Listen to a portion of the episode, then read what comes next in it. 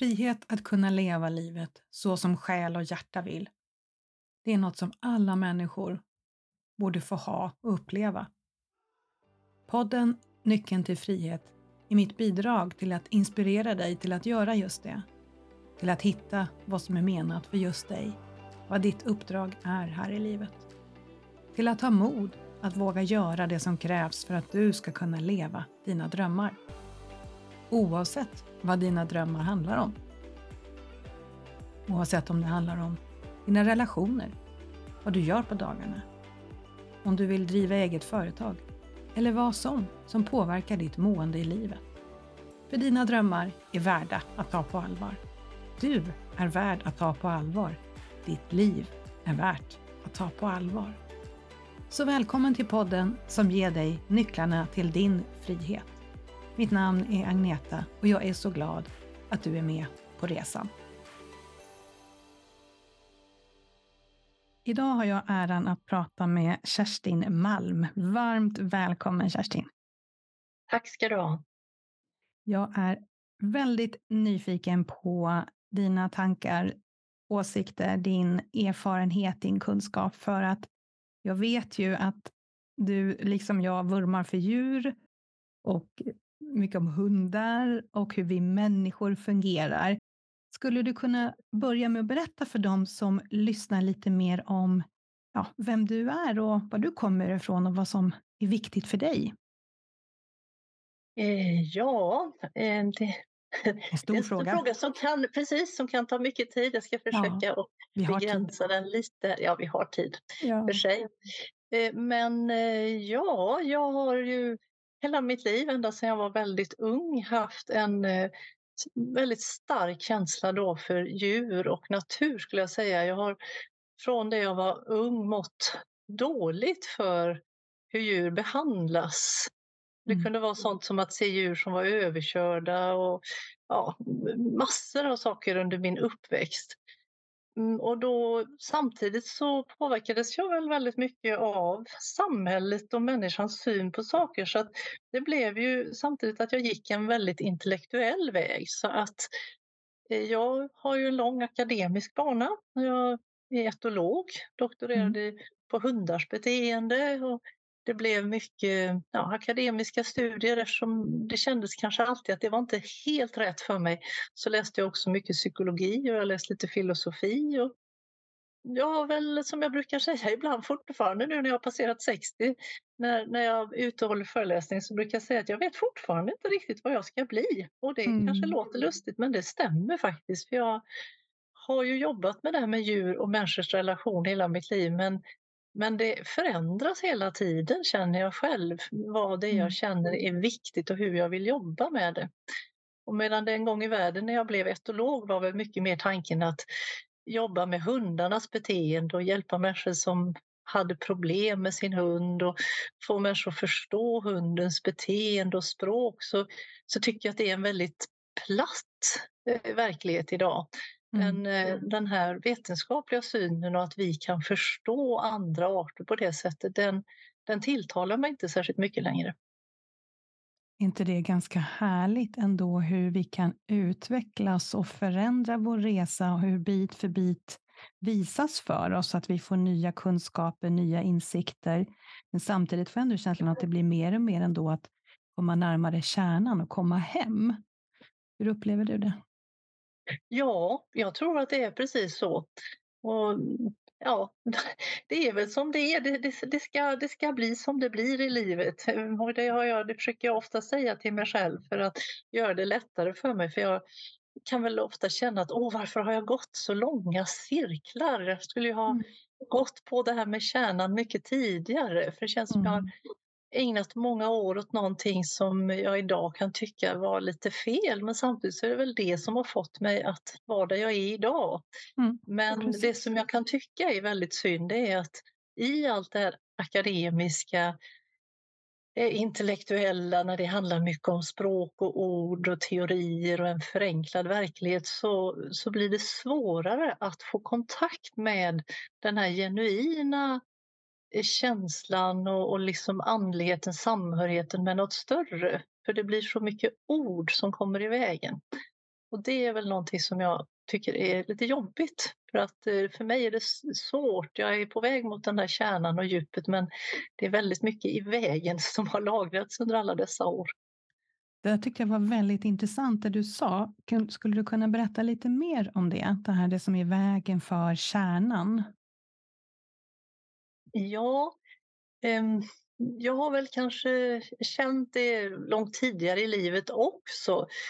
Att det finns någonting i djupet som är mycket viktigare men att det är lätt att springa förbi det och liksom förneka det och klä allting i ord och tankar istället.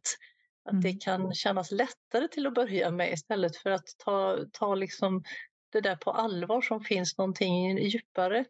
Men ehm, det med, med åren så har det väl blivit mer och mer så att det där går inte att springa förbi längre.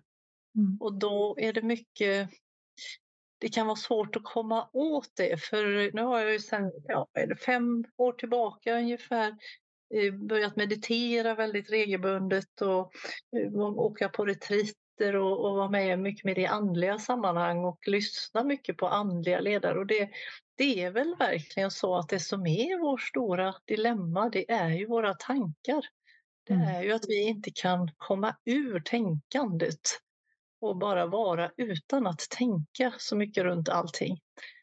Och det har ju mer man har hållit på med, använt eh, tänkandet och det intellektuella som sitt redskap och jobbat med och på något sätt läst massor av vetenskaplig litteratur och saker. Där. Svårare är det, känns det som ibland, att komma ifrån det och släppa det. Att inte hålla på analysera och tänka på allt utan mm. att försöka komma under det där tänkandet eller förbi det på något sätt. Vad tror du om det kan det vara som så? Jag tänker på att dels när vi föds in i den här världen som människor, att det är en norm, det är ett sätt som är brukligt, att det gör det kanske mindre lätt att verkligen lyssna på det här mjuka, fina där inne. Och sen tänker jag också att ju mer vi håller på med det här mer ja, akademiska lärandet och mer eh, att ta på mer fakta, då får vi en väldigt skarp och duktig hjärna som då inte gärna släpper ifrån sig sin kontroll till det här som är djupare längre in.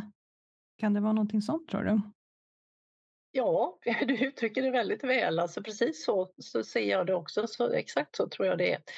Eh, och eh, som sagt, det har väl varit av och till under mitt liv då jag har den här, den här längtan efter något annat har ju alltid funnits. Så att jag har ju gjort lite olika saker. Jag har läst psykosyntes och där kom jag ju under ett antal år när jag var mer aktiv med det väldigt mycket närmare den här kärnan. Eh, mm. Jobbade med människor på ett annat sätt och i coaching och så. Eh, jag har gått på hypnosterapi där jag också då kom mycket närmare under de, den tiden jag gjorde det. Mm. Och sen eh, precis det du säger som anknyter jättemycket till när jag under ett antal år jobbade med eh, REDE-projektet som är ett värdegrundsmaterial som eh, Djurskyddet Sverige jobbar med ute i skolorna då för barn. Och REDE står just för respekt, empati, djuretik. Mm. Och där fick jag ju möjlighet, det var ju fortfarande på en väldigt eh, akademisk plan, men där fick jag möjlighet att fördjupa mig och gå in mycket i det här med empati, och eh, hur vi människor formas och så. Och där insåg jag att det fanns ju forskare som pratade om precis det som jag egentligen känner djupt inom mig. Hur barn då egentligen lärs av när det gäller vår medfödda förmåga till empati, samhörighet med allt levande och, och allt detta i det mänskligt kulturella samhället. Så att det finns till och med forskare som pratar om att det här är det största dilemmat i, barns, i uppväxten, i barns liv. Mm. Att det, det blir ett sånt fruktansvärt skav mellan det som känns riktigt och det som hela samhället och vuxenvärlden säger hur man ska, ja, lite förenklat det här när barn säger åh men hunden är ledsen så säger vuxen vuxna nej men det är inte så farligt, vet du. Den, den mår så bra och vi tar hand om den och hundar kan inte vara ledsna på det sättet. Och så börjar det här resonerandet runt saker när det, det, det, det liksom, det går inte ihop. Det finns en väldigt stark kognitiv dissonans på något sätt mellan vad vad, hur man ska vara och vad man lär sig och det man känner är riktigt. Och det har jag ju insett när jag jobbar med redematerialet att det där var ju precis det som hände mig och jag har sett det med mina barn och jag har sett det med massor av människor. Vad bra du beskriver det. Otroligt sorgligt, men så, så viktigt. Och vad bra att du fokuserar på det nu, att du lyfter det. För det där tror jag är en stor nyckel ja. till välmående för så många människor, för planeten, för djuren, för allt. För det är som att när vi föds in, det blir obekvämt om det kommer in en varelse som börjar känna och förstå på ett annat plan, som de då vuxna runt omkring inte kan greppa. Det, blir säkert, det är ju inte med medvetenhet Nej. som vuxenvärlden gör det mot barnet, men det blir ju som en bedövning av det här som är lite mer okänt då för den här vuxna människan. Någonting som är mm. djupare, större, som betyder att vi behöver faktiskt ifrågasätta och se saker och ting på ett annat sätt. Och du sa att du, du kände det också som barn. Ja, det, det gjorde jag ju. Absolut, det gjorde jag jag kände ju att eh, det är ju lätt att man blir väldigt känslig då som barn, att man får stämpeln på sig att vara känslig för man, man lider med, med djur och man känner att det är fel som vi behandlar djur. Vissa steg tog jag ju ganska tidigt. När jag var 16 så slutade jag äta kött. Jag har aldrig ätit kött efter det sen. Eh, sen så kände jag väl med åren att det var en ganska liten del, det behövdes mer men det dröjde väl ja, ända till för fem sex år sedan någonstans som jag blev helt vegan. Så att jag, och det är en oerhörd befrielse, en otrolig befrielse att veta att jag personligen i alla fall inte bidrar till den delen. Mm. Även om det finns så otroligt mycket ändå man gör som människa. Så det är någonting som idag upplever jag så pass ändå förhållandevis lätt att välja att gå den vägen. Mm. Men det är, ja, det är inte lätt på ett sätt. Det är inte lätt. Det är lätt i mitt personliga liv att välja att äta så, men det är inte lätt i relationen till andra människor alltid. Det, det väcker ju någonting hos många andra, det märker jag ju. Även om jag mm. absolut aldrig på något sätt säger något eller skuldbelägger någon annan eller ja, väldigt försiktig med det oftast för just för att jag vet att det så lätt väcker så starka känslor och det har ju också gjort mig väldigt intresserad av hur dåligt jag tror vi mår överlag, de allra flesta av oss, av mm. att vi någonstans har den här vetskapen hur vi, hur vi är, hur vi fungerar som människor jämfört med alla andra arter. Det där är jätteviktigt, för jag tror precis som du säger att det är en sån mörk del inom oss, det är fyllt med skam och skuld, om man tänker efter vad människan gör. Mm.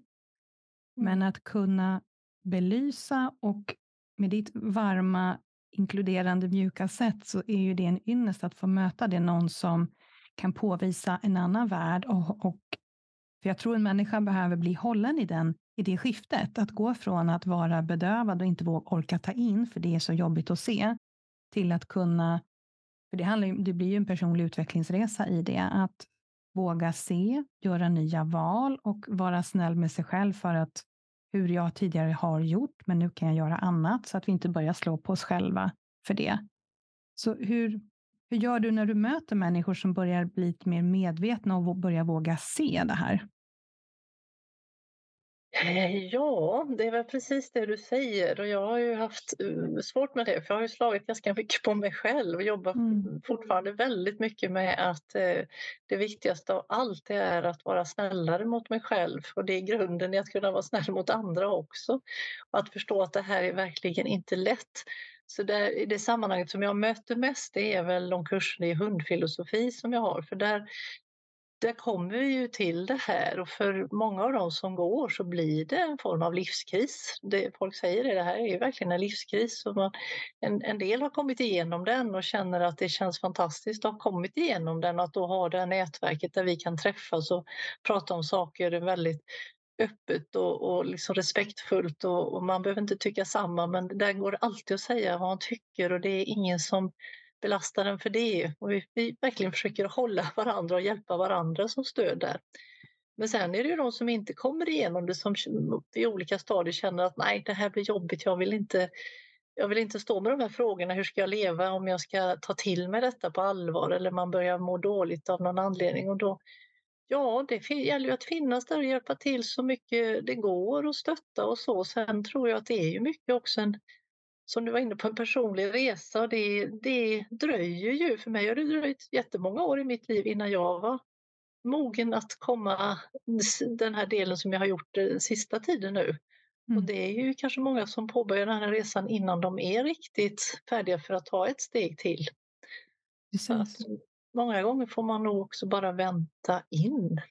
Sen ja, pratar jag, jag ju mycket, när hundfilosofin jag vill ju gärna ha in en, en allt större andlig del men den ligger jag ju också ganska lågt med eftersom det, det är en svår del också i samhället. Det finns ju en väldig skepsis till vad andlighet är. Jag vet inte ens om man ska kalla det det för det får så lätt ett dåligt rykte, själva ordet. Men att hitta något djupare i det här, det är väl det det handlar om då. Men mm. sen kopplar jag ju också ihop det mycket med det som är mer accepterad vetenskap och teorier och tankar som, som är mer akademiska och går att läsa om i den litteraturen. Och då pratar jag ju jättemycket om antropomorfism och det är på något sätt, det tycker jag är hela hundfilosofins nyckelord, hur vi människor ser oss själva som mer än allt annat. Det är bara vi som har ett egenvärde och det här öppnar ögonen för många tror jag, för man Först säger många nej, men så är det väl inte. Så här, men sen man börjar gräva i det här så ser man att alla lagar är gjorda så, hela samhället är gjort så. Vi pratar om djurskydd, vi pratar om att djur ska ha det bra, men det är alltid i relation till att vi människor är viktigare. Vi ska kunna utnyttja allt och alla och när det kniper så är deras liv och mående inte viktigt i förhållande till människans. Och när man börjar se det och förstå vad det innebär så kan man, alltså man får en helt ny syn på världen. Man mm. kan också, om man fortsätter i det med medkänsla och självmedkänsla, så kan man där hitta en stor tröst och faktiskt hjälp som kan hjälpa en vidare när man förstår hur svårt det här är för en som enskild individ. Att vi, vi är födda i och uppvuxna i en kultur och ett sätt att se på detta som är så, alltså är så normaliserad. Så mm. För många människor går det inte överhuvudtaget begripa vad man pratar om när man pratar om det här. Och mm. de som börjar se det, det är klart att det blir, ja, det blir jätte, jättejobbigt kan det bli först. Jag ser framför mig nästan att det är som man är en fisk och upptäcker vad vatten är, för det, är, det är så normalt. Det finns bara runt dig, så du vet inte ens att det är där. Och inse det här och sen att inte då krascha eller bryta ihop eller känna sig översiggiven eller för liten, utan jag kan tänka mig att om alla ändå gör något, att det, steget och förändringen behöver inte vara jättestor, men att vi börjar mjukt att skifta.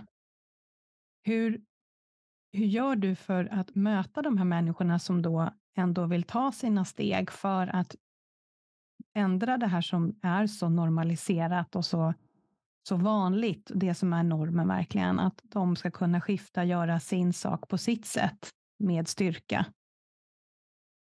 Ja, alltså för, för mig, det som jag har jobbat hittills i alla fall, så är det ju ganska mycket knutet till livet med hunden. Mm. Eh, och eh, det är väl här jag känner att det är kanske precis här som jag vill jobba mycket framöver, att hitta olika vägar att sätta och sätt att komma vidare här, att göra saker både som enskild men kanske tillsammans med fler. För det är inte helt lätt. Vi har ju pratat jättemycket om det i hundfilosofinätverket och en, en sak är ju att man behöver fler. Man behöver vara fler, man behöver ha det stödet och den den känslan av samhörighet med andra som, som tänker och känner likadant och som också vill göra förändringar. Eh, sen måste man hitta en kombination då av att eh, ha det här vi har pratat om, stillhet, medkänsla med sig själv, att liksom inte tänka att jag ska förändra världen utan vara nöjd med de små, som man kanske ofta känner då, små förändringar man gör, men som jag inte tror är så små. För de är egentligen väldigt stora i det här eftersom det är mm. så, så pass eh, fastlåst så är ju alla små förändringar väldigt viktiga. Mm. Och sen att hitta både vad vi kan göra tillsammans fler men också att hjälpa människor att prata mer konkret i deras liv vad det känns som att de skulle vilja och kunna göra. Men, men det är väldigt olika beroende på hur man lever med sin hund. Eh, och eh, hur många hundar man har och var man bor och vad, vad man vill med sitt liv så, så kan det här mm. nog ta sig väldigt olika uttryck hur man gör de här förändringarna. Mm. Det tror jag. Jag tänker att jag ser nästan dig som en sån här hemlig agent. Du, du kommer in via hundvärlden. Jag tror att det är en väldigt bra arena att kliva in på och sen att du nu ändå har både vetenskapen börjar komma också och din egen känsla att det kan mötas och att du hittar ditt sätt att föra ut det här utan att kanske ja, de här orden då som andlighet och allt, utan att du hittar ditt språk för att föra ut det här. För jag tror att just via hundarna och de som är intresserade av ja, hundrelationen, sitt liv med hund, att du kan ha en bra arena att börja där. Eller hur känner du själv? Ja, så, så har jag ju alltid tänkt och känt och jag tror ju fortfarande det. Det är ju på något sätt min bas, det är där jag har varit hela livet och det jag känner ju starkt för den här relationen hunden-människan. Eh, samtidigt är den ju också ganska svår har jag ju insett och det, det insåg jag ju redan för många år sedan men just för den här delen är den också svår eftersom vi ju det kan vara jättebra för man vaknar upp här, man ser, man, man står väldigt nära sin hund, man, man vill verkligen att den ska få leva ett annat liv, att vi inte ska eh, Eh, bestämma så mycket utan den ska få mer frihet och kunna forma sitt liv på ett annat sätt än vad hundar kan. Och samtidigt så är vi ju många av oss som lever med hundar, vi, det är ju ingen slump att vi har dragits till att leva med hundar. Vi är ju ofta väldigt känslomässigt beroende och uppbundna till ja, en, en viss individ eller till överhuvudtaget ett liv med hundar. Och det, det är ju speciellt på det sättet att det är ju inte många andra levande varelser som vi kan leva ihop med på det sättet där vi kan ha just den kontrollen som du var inne på förut. Mm. Eh, och den tror jag är ju en väldigt stor del här att vi har också ganska stort behov av någon slags kontroll över någon som finns för oss jämt, som håller oss sällskap, som visar kärlek, som bekräftar, som får mig att bli någon. Det finns ju mycket sånt i hundvärlden, att man blir någon genom hundarna man lever med. Och där finns ju en, en, en kan vara en komplikation eller vad man ska säga, en svårighet. Mm. För man behöver nog också gå ganska djupt in i sig själv och börja ifrågasätta sina, de här behoven, om de, om de är rätt att lägga just på hunden och i relationen till hunden, om man kanske behöver ta hand om dem på andra sätt. Och att man kan få en faktiskt mycket öppnare, finare, djupare, ödmjukare relation till hunden eller hundarna man lever med om man inte har så starka beroenden. Så oh, det, vad bra du förklarar det. Det där var jätteviktigt Kerstin. Gud vad bra att du förklarar det så. För det där tror jag är verkligen en, en viktig poäng. Vad mm. är det som vi kan, det är ju undermedvetet, men vad är det som vi, vilket behov blir tillgodosett när vi då har en hund i vårt Jag tänker skillnaden också på vara hundmänniska och kattmänniska. För katter, ja. de är väl inte samma sak att du kan ha den här citattecken makten över. De bestämmer ju verkligen själva. Och som jag, jag är, ingen, jag är verkligen ingen kattmänniska, så jag kan inte dem så mycket. Men det där är ju jätteviktigt. För jag tänker på, du sa tidigare problem, man har problem med sina hundar. Du uttryckte någonting sånt. För egentligen så är det väl som så att problemet ligger ju väldigt sällan hos hunden, eller hur? Ja, nej, det ligger ju egentligen aldrig hos hunden. Det beror på vad man mm. menar med problemet. Det är klart ja. att vi, vi har ju ganska mycket hundar eh, som ägs av människor. Språket är så tråkigt det här med att säga min ja. hund och din hund och äga ja. och så. Men, men det är ju ändå så som det är i samhället. Men det är många hundar som, eller människor som äger hundar i västvärlden som har trauman.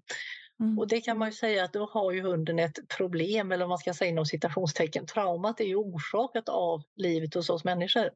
Mm. Men det mm. finns ju ganska många som, som, eh, det finns ju lite forskning på detta idag också med trauman hos hundar, hur, hur vanligt det ändå är, hur många hundar som har det. Det är klart att då har man ju ett problem, eller hur man ska kalla det. Men annars så är det ju precis som du säger, det, det ligger ju hos människan, den människa som hunden lever hos, människorna som hunden har varit hos tidigare, det den har varit med om. Så det är ju, och det var just därför jag gick från att jag förr jobbade då mer med det som kallas problemhundar ibland, att mm. människor kom med sin hund eller sina hundar och så hade de problem och så ville de lösa de problemen. Men jag kände ju efter ganska kort tid när jag hade jobbat så att det var inte det jag ville. För jag ser ju inte då problemen hos hundarna så mycket. Jag ser ju att det verkligen är att man behöver förändra sig själv och sin relation och mycket i hur man lever tillsammans. Mm. Det upplevde jag ju då, det är ju ganska många år sedan, det är 20 år sedan eller mer, att det, det var inte så många som var egentligen beredda att göra det. Och det har väl kanske inte, det kanske möjligen är en skiftning på gång nu men det har ju varit många år när quick fix och metoder och den ena hundexperten och hundtränaren har den ena metoden och den andra har en annan. Och gör du bara så här så kan du få din hund att lyda och titta på dig hela tiden och inte bry sig om andra hundar. Och, ja, alltså det, det avlöser ju varandra hela tiden. Mm. Ja, Alla dessa oerhört oempatiska och ja, allt annat än kärleksfulla metoder som finns ja. och har funnits. Jag tänker en, en lydig hund är inte säkert att det är en lycklig hund, Kerstin, eller hur? Nej, verkligen inte. Det, jag mm. tror ju inte att lydighet är lycklighet överhuvudtaget egentligen. För när man ser vad lydnad är så, så bygger det ju oftast på Alltså, eller ja, det bygger ju på det som har skrivits om lydnad hos människor och så. Det finns en, en bok som jag älskar när det gäller det här och det är Lars H Gustafssons eh, Växa, inte lyda. Den handlar ju om barnuppfostran, men där skriver han ju mycket om lydnadsbegreppet och det är så användbart att använda precis samma när vi tänker på hur vi ser på hundar. Han skriver ju just att lydnad bygger ju på Eh, passivitet, att man ska vänta till man egentligen får lov att göra något eller ska göra något på någon annans order. Och det behöver ju inte vara så väldigt uppenbart som att det är en order men det finns ändå inbyggt i hela lydnads att eh, det är någon annan som kontrollerar och har makten. Så att den som ska lyda ofta, det är ganska mycket passivitet och rädsla hos den. För i lydnaden ligger att det finns eh, repressalier om man inte lyder. Det måste finnas i ett lydnadsbegrepp på något sätt. Och idag pratar man ju så mycket i hundvärlden om att ja, men det är ju så snälla metoder så det är att hunden vet att den skulle kunna få massa godis. Om den gör rätt så får den inte godiset. Om den inte gör rätt, det är ju inte så farligt. Det är ju ganska snällt, men det är inte ett dugg snällt. För det är fruktansvärt stressande för många hundar att veta att det finns någonting gott som man skulle kunna få om man gör rätt.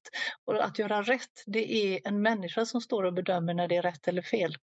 Jag skulle säga att det är en, en eh, om man då tänker att man har helt kommit ifrån all fysiskt våld och sånt så är det här ju ett mentalt våld som är väldigt stort. Det är så berörande när du pratar. Det är så sorgligt och det är så bra att du sätter ord och ljus på det. För jag tror att väldigt många, med tanke på det vi pratade om tidigare, man har inte medvetet koll på det här. Det ligger i det undermedvetna, men när vi vågar plocka fram det och se det, så dels mm. att det är klart att det gör fruktansvärt ont att tänka på hur man är mot sin kompis, sin familjemedlem som man älskar så otroligt mycket. Ja. Men vi kan ju faktiskt välja att göra på ett annat sätt, att ta ansvar för vår egen, vårt eget psykiska välmående, vår egen resa, så att vår kompis ska kunna få ett fantastiskt härligt liv. För det är ju hos människan det ligger. Jag tänker, jag ser mer att det är som om du, om du möter hundar och deras människor så är det egentligen hundarna som kommer och säger jag har problem med min människa. Mm. Så skulle jag nästan vilja se det. Så är det ju och där, där jag, ju känner, jag är ju inte någon eh, ja, djurkommunikatör eller djurpratare på det sättet. Och en, en del som jag har kommit i kontakt med under åren känner jag att de, de har ju verkligen någonting där. Att de mm. går ju genom att prata med hunden eller hästen eller djuret istället. Och det, precis som du säger, det är ju egentligen den vägen som behöver gå för att förstå vad det är som inte är fel, eller som inte är rätt, utan vad som blir fel i, i kommunikationen. Sen känner jag även där ibland att det är det jag, det jag känner att det här, jag skulle vilja bidra med att lyfta det här en nivå till på det sättet att även inom den andliga sfären där jag har varit med rätt mycket då på olika ställen och så sista åren och även inom kanske en del djurkommunikatörer, det de pratar om och så, så är fortfarande antropomorfismen väldigt grundläggande. För vi, vi har så svårt att släppa den, för vi är så, den, den liksom ingjuten i oss. Mm. Våra gener nästan och hela vårt liv och kultur och samhälle och allt. Så fortfarande blir det inte sällan för människans skull någonstans. Inom andliga sfären tycker jag upplever mycket att man pratar mycket om, särskilt om det är med lite mer buddhistisk inriktning, att allt liv, samhörighet, all beings och så. Men sen kommer man ändå tillbaka väldigt ofta till att det är människan som på något sätt är det viktigaste. Och inom djurkommunikation har jag upplevt det här att djuren finns här för oss, för att hjälpa oss. Och det kan jag känna mig lite skeptisk till om de finns där för att hjälpa oss. Jag tror att de kan vara till väldigt stor hjälp för oss och vi ska tacksamt ta emot den hjälpen. Men det är inte så att vi ska se att deras liv finns här och är här för att hjälpa människan. Det är fortfarande väldigt antropocentriskt. Jag tror att många djur de allra flesta arter på den här planeten skulle ju må bättre och överleva bättre om människan försvann helt. Ja, absolut, jag håller med. Ja. Så att man får hela tiden se upp med det här antropocentriska som smyger sig in överallt. Och det mm. senaste inom hundvärlden är ju väldigt mycket det här med sociala tjänstehundar. Och det kan kännas, när det kom för 15-20 år sedan eller vad det är nu, då kände jag wow, nu kanske det kan komma något som är i grunden jättefint och bra. För jag tänkte att om hundar ska klara av att hjälpa människor så känslomässigt, socialt ute i omsorg och vård och så, så måste de ju må riktigt, riktigt bra. De måste ju ha haft ett liv som har utvecklat dem för att verkligen kunna leva ut sina känslor och empati och så. Eh, så då tänkte jag att det skulle vara ett, ett skifte i, i synen på hunden men jag upplever ju inte att det är så det har blivit. Det är i alla fall inte det som är det vanligaste utan det är fortfarande väldigt mycket att de gör det här för vår skull, för att människor ska må bättre. Mm. Och det blir ofta, som jag upplever det, ganska manipulativt och på sätt som inte är empatiskt och, och kärleksfullt varken mot hundarna eller de människor som de ska vara med. För det här måste ju bygga på en ärlig, uppriktig kärleksfull kommunikation och samvaro om det ska ha en hållbar och bestående effekt. Mm. Verkligen. Man kan, liksom så... inte, man kan inte bara ta ut djur i skolor och Eh, ja, vård och så och, och tänka att det är jättebra för människor att träffa djur. Alltså djuren måste ju, det måste ju vara väldigt mycket frivilligt och de måste ju få säga vad de tycker och hur de vill ha det och det måste respekteras. Precis. Så att det, ja. Det där är så viktigt för att jag tror, precis som du säger, att det är så lätt att det smyger sig in, det här sättet att tänka, för det är så mycket det vanliga. Men del för del och det du gör, jag tror säkert att det finns väldigt många andra som är inne på samma linje. Alla gör vi det vi kan när vi blir medvetna om det. Och du gör ju ett fantastiskt jobb med att belysa det här. För att jag tror att det är som att vi behöver vrida om den här som en stort lastfartyg lite i taget. tar ett tag innan det svänger, men vi behöver jobba med det vi kan för att få det att svänga. Att just belysa det här samvaron, att båda parter, alla ska må bra, att det är lika mycket värde. Det tycker jag är otroligt viktigt. Mm. Och jag tror ju, det är väl där som mitt skifte har börjat gå också mycket i att jag verkligen inser hur viktigt det är för oss människor. Hade jag pratat om detta för 20 år sedan så hade jag nog betonat så oerhört mycket mer att det här måste vi göra för det känns inte rättvist, det känns inte rätt, det känns väldigt oempatiskt och, och så icke kärleksfullt mot alla andra arter som vi behandlar dem. Och som sagt inte minst våra husdjur. Många tar bort husdjuren. Som, man pratar om hur vi ska vara med vilda djur och sånt men husdjuren är ju inte i grunden, det finns inte så att vi, några levande varelser är våra ägodelar. Det är en bild vi har men alltså alla liv de kan inte ägas av någon annan. Så det, det är en sån tanke i grunden som jag tror att vi mår så dåligt av. Att vi, mm. vi upprätthåller den och låtsas som att den är riktig. Och det är mm. väl det som mer och mer tror jag börjar gå upp för mig. Att vi människor, vi står vid ett väldigt stort vägskäl.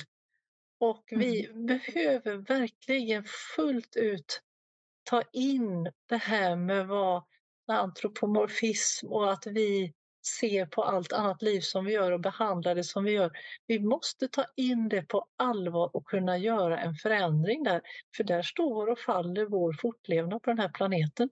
För den här planeten kommer inte att klara av att det finns en art som ser sig själv som mer än alla andra och lever på alla andras bekostnad. Då kommer vi att försvinna. Det är jag helt övertygad om. Så därför har det, börjat, det har fått en helt annan dimension för mig idag. Det kan man ju mm. säga som en del jag har lyssnat på andra ledare som säger att okej, okay, och det är ju heller ingen katastrof och det är det ju inte ur, ur biologisk synvinkel heller om man ser det ur vetenskapen. Arter har alltid kommit och gått och det kanske är dags för människan att försvinna. Det kanske är så att om några hundra år så är vi borta och det var, det var liksom så. Det var ett steg som inte fungerade i evolutionen. Vi, vi, var inte, vi funkade inte så som vi utvecklades. Så så är det kanske och då kanske det inte är värre än så men som människa känner man ju en enorm sorg när man tänker på det. Mm. Att vi inte har kunnat förvalta det här livet. Ja, och precis. för alla kommande generationer och liksom, ja, jag blir, jag blir alltid väldigt berörd när jag kommer till det här för det är klart att mm. man tänker på barn och ja, barn och barnbarn och kommande att, att det är som det är idag och att det här kanske då inte går att vända överhuvudtaget. Det är ju väldigt sorgligt. Samtidigt mm. som det kanske är det bästa på vissa sätt så är det ju hemskt sorgligt att vi har drivit det hit där vi har drivit det av på något sätt okunskap och oförmåga att nå, nå vårt djup. Att vi har liksom tappat den här samhörigheten med allt annat. Jag ser det som en balansgång där att både det här högre syftet på något sätt, det kanske finns en, en större plan som vi inte ser, men jag tycker du gör ett fantastiskt jobb då som att du gör det du kan, att försöka skifta, vända och göra det bästa av det som är, även om som sagt det kanske finns en, en högre ja, tidsplan eller en planering som inte vi har koll på, men vi kan göra det vi kan i nuet i alla fall. För det handlar mm. inte om mm. att ge upp, utan okej, okay, men vad kan jag göra? Och det blir jag så nyfiken på, hur, hur gör du då när du jobbar för den här saken? För det, jag känner ju och hör att det här är väldigt viktigt för dig och jag är så glad att du belyser det. Ja, jag har väl eh, under en, en tid har jag liksom stått lite still och stampat för jag har gått på på ett sätt med en väldigt stark övertygelse och liksom det har varit mycket kämpa på i den riktningen. Men jag är väl lite, mm, ja vad ska jag använda för ord? Vacklande och tvekande låter, det låter som tveksamt men det är kanske inte riktigt tveksamhet utan det är mer att jag, jag tror att jag behöver vänta in att se vad min nästa väg och mitt nästa steg ska bli. Mm. Eh, för jag, som sagt, jag har ju gått in mycket mer i, i stillhet och meditation och sånt under ett antal år. Och det tror jag fortfarande är en väldigt viktig del för mig, för jag, jag behöver verkligen det för att mot, som mot, eh, att motverka lite allt det här tänkandet och logiska och så. Så att, mm. att hitta själv stillheten och, och samhörigheten på ett annat sätt. Eh, och sen, eh, ja, sen får jag se vad det blir. Alltså jag vill ju mm. fortsätta att jobba med människor som är någonstans lite på väg åt samma håll. För det, jag tror inte det är så stor idé att att gå ut och prata kanske med, med de som inte alls är inne på, på det här. Men de som har börjat, jag tror det är ganska många som på olika sätt har börjat komma i kontakt med detta. Och mm. gärna då kanske människor som lever med hundar eller i alla fall djur eftersom det på något sätt är det som alltid har varit min, min bas i det hela. Mm, det blir en bra ingångspunkt. Ja, jag tror det. Även om jag ibland tänker att människor som väldigt mycket för att vara ute i naturen har ju också mm. en, man, man kan ju ha varit en naturmänniska hela sitt liv, aldrig egentligen har haft några egna djur men, men har en stark, stark känsla och samhörighet med naturen. Det tror mm. jag också är en grupp som är, är ganska lätt på sätt och vis att nå och få med i sådana här sammanhang. Ja, för de har ju redan klivit på något sätt några steg framåt. Jag tycker det är så bra det du beskriver, att du verkligen du tar dig den här tiden att att vänta in och vara i stillhet och låta det, så att det inte blir den här kampen och kämpandet, utan att du kan få lite mer flöde i det, att det kommer bli mer naturligt, att det kommer visa sig för dig. För det känns ju att du har det här som ett, det blir som ett kall, det här, det lyser ju. Jag känner när du pratar om det, att det här, det kommer att komma igenom dig. Men exakt hur, det är jättefint att det får att det får visa sig. Mm.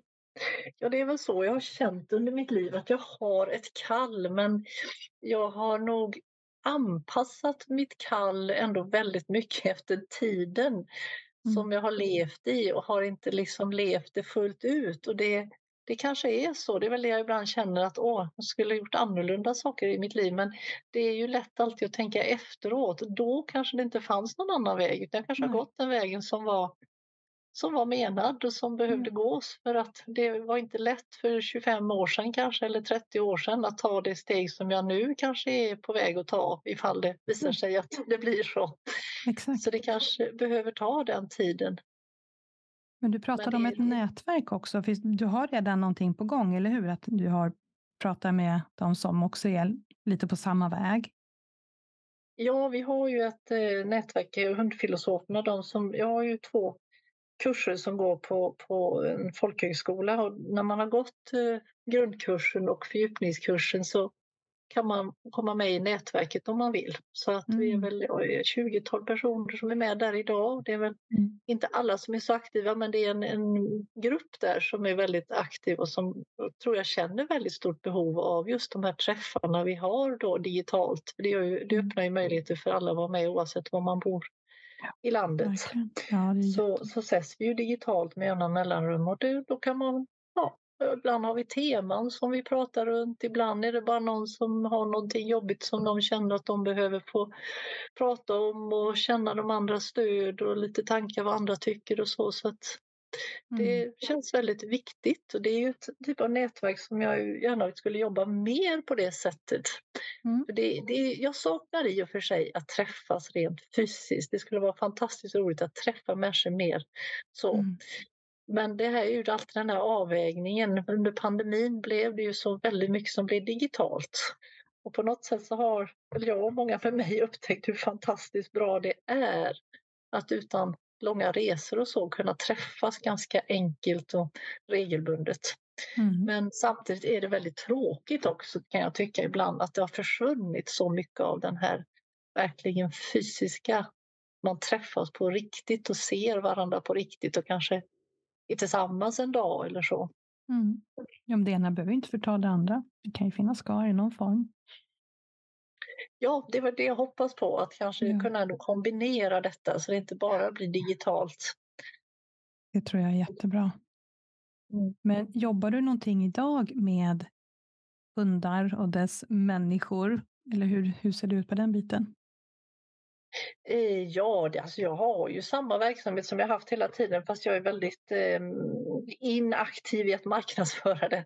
Mm. Så det blir ju mest de som, som vet att jag finns och som hittar mig och som är intresserade. Så det är ju hundfilosofikurserna och sen är det en och annan föreläsning och sen är det att jag har ju coaching då.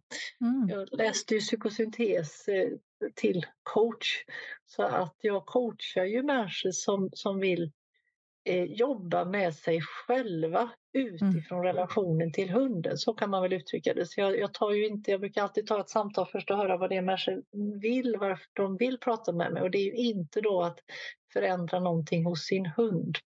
Utan det här är ju att man, ja, man kanske känner just att det är mycket som, som eh, finns hos mig som gör att det kan bli problem i relationen som jag vill fundera på. Mm.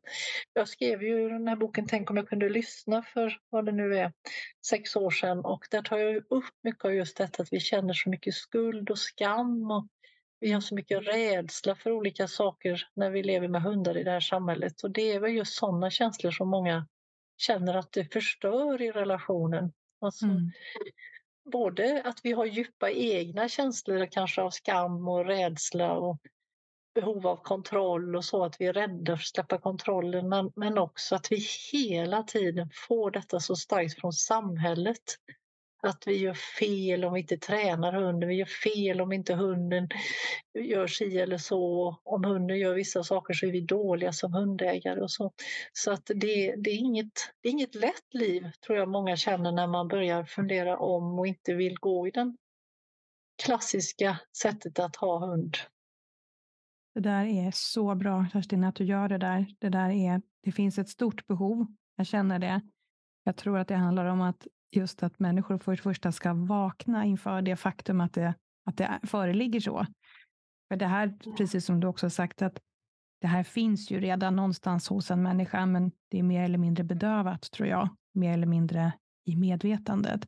Men när vi ser det, att få det här stödet och hjälpen att, att se, läka och skifta det som är inom oss själva. För där är ju mm. djuren fantastiska, att de är ju verkligen som en spegel in my face och så får jag se vad jag behöver jobba med. Och ja. sen att kunna få den hjälpen från dig, är fantastiskt. Absolut. Mm. Och det, det är väl det jag också då, jag har ju funderat mycket under åren det här med, ska, vill, känner jag att det är rätt själv att leva med hund? Och, ja, jag har ju mycket tankar runt det, huruvida det är rätt att, att ha hundar och djur på det sättet. Och jag har fortfarande faktiskt inte bestämt mig. Det där är ju under ständigt omvärderande. Jag har mm. kommit så långt idag att jag, jag tror inte jag kommer att köpa någon hund mer, liksom uppfödd rashund som är uppfödd för att människor ska köpa den. Utan det finns så otroligt mycket hundar som behöver hem. Så att det är mm. väl det som är min, min grej i så fall, att ta hand om hundar. Men även där hamnar man ju i väldigt många sådana här, ja, samhället eh, säger en sak och jag kanske känner en annan. Eller som med Holly som vi lever med nu så har hon ju alltid hela sitt liv haft väldigt svårt med hundmöten. Hon har svårt att vara lös för hon jagar rätt mycket. Vi fick henne vid ett års ålder, hon kommer från Irland och har väl haft en mm. del traumatiska upplevelser och, och ja, har inte fungerat och riktigt som en hund skall fungera i Sverige som ska gå i koppel och placera andra hundar mm. på en mm. halv meter utan att säga något och så. Så då behöver man ju handskas med det och det blir ofta saker som känns att det här är ju inte, är det här det bästa för henne egentligen? Vilket liv hade hon velat leva? Mm det är ju en, en ständig fundering för mig själv. Och samtidigt så, för att återknyta varför jag sa detta var just det, det du sa, samtidigt har jag en väldigt stark känsla av att vi, vi har jättestor hjälp av att leva med djur och att vara nära djur för vårt eget uppvaknande. Mm. Så inte så att de finns för vår skull, men vi kanske ändå väldigt ödmjukt ska tacka och ta emot den hjälpen vi kan få. Och jag tror att den dagen vi kan se det så, att vi ödmjukt tackar och tar emot, då har vi redan där gjort ett stort skifte. Att mm. de inte finns för vår skull, de har ingen skyldighet att hjälpa oss. Nej. Men vi kan fråga dem och får vi lov att leva med dem och göra så Exakt. bra som möjligt för dem så kan vi få jättemycket hjälp i det vi står inför. Åh, vad fint du beskriver det. Det där tycker jag är så vackert, att precis vi är tacksamma, ödmjuka, tar emot i vördnad och tar vårt eget ansvar på vår egen resa. Och sen det här att ge tillbaka till den andra varelsen som lever. Hur kan jag göra för dig på bästa sätt? Att det blir en mm. dynamik, att det är liv är lika mycket värt oavsett och att vi kan ha ett samarbete mer än att det ska vara någon hierarki på något sätt. Mm. Precis. Jättevackert. Ja. Vad fint Kerstin, du gör ett fantastiskt jobb och jag hedrar dig av hela mitt hjärta. Det här är så viktigt för mänskligheten och framförallt för djuren. Super, superbra. Och att du känner in vad som är dina steg, att du tar den här processen, du hedrar den. Jättefint att inte bara stressa in i någonting utan att du får känna in och ta det på ditt sätt. Mm. Ja, det har nästan blivit nödvändigt. Jag hade nog kanske mm. försökt stressa på annars för jag, jag, känner mig lite stressad ibland av tiden, mm. när tiden går och så. Så det, det är ju verkligen att jobba med att låta det gå och se vad som händer. Men, men det har nästan blivit nödvändigt för jag är just nu i ett läge där jag vet att jag kan inte bara skynda på något mer utan det måste Nej. få visa sig. Precis. Vi får ju den hjälpen av universum ibland så att vi, vi behöver landa i det som faktiskt är och är rätt för oss. Även fast vi kan protestera lite från huvudet ibland innan vi landar där. ja, precis. Vi har nog ofta lite bråttom. Vi vill inte att det ska inte ta så lång tid. så otåliga. Ja. Ja, vad fantastiskt härligt att få prata med dig. Är det någonting innan vi avslutar som du vill skicka med till de som lyssnar? Som, ja, någonting som du känner att det här är någonting jag vill föra ut och föra vidare? Eh, ja, det som slog mig direkt det var väl det vi var inne på med, med medkänsla med sig själv, att vara snällare mot sig själv. Jag mm. tror att det är verkligen grunden i all förändring och uppvaknande och allt alltså som vi, som vi står i idag. Och det, det, ja, för många av dem som just är på väg och det händer mycket och sådär, det, det är så lätt att börja slå på sig själv både för vad man har gjort och vad man gör men också att inte man kan göra mer, att man förändras snabbare. Så vi fastnar så otroligt lätt i massa självkritiska och mm. negativa tankar. Men att jobba istället mycket mer med att känna att wow, tänk, jag har ändå börjat se saker som är jättesvåra att se. Alltså vi, vi är mm. så otroligt indoktrinerade i den här världen och det här livet. Så att det är fantastiskt alltså när man bara börjar reflektera och kanske gör någon liten förändring. Så, och om man inte orkar göra någon förändring heller, att bara, man kanske behöver en tid att bara vara snäll mot sig själv innan man ens orkar börja fundera på om man ska göra någon förändring. Mm, exakt. Jättefint. Tusen tack för att jag har fått lära känna dig lite mer och få höra dina tankar och visioner och hur du ser på det här. Jag tror att det är fler än jag som har fått många tankeväckande insikter. Så stort, stort tack Kerstin. Ja, tack ska du ha själv. Det var ett fint, fint samtal och tack för att du bjöd in mig till din podd. Tack för att du sa ja. Ja, tack. Tack. Tack för att du har lyssnat. Jag hoppas att du har fått med dig inspiration för din resa framåt, till att leva ditt liv med inre frid och yttre fred, på ditt sätt. Tror du att även andra kan ha nytta av att lyssna? Dela gärna avsnittet. Vi hörs snart igen.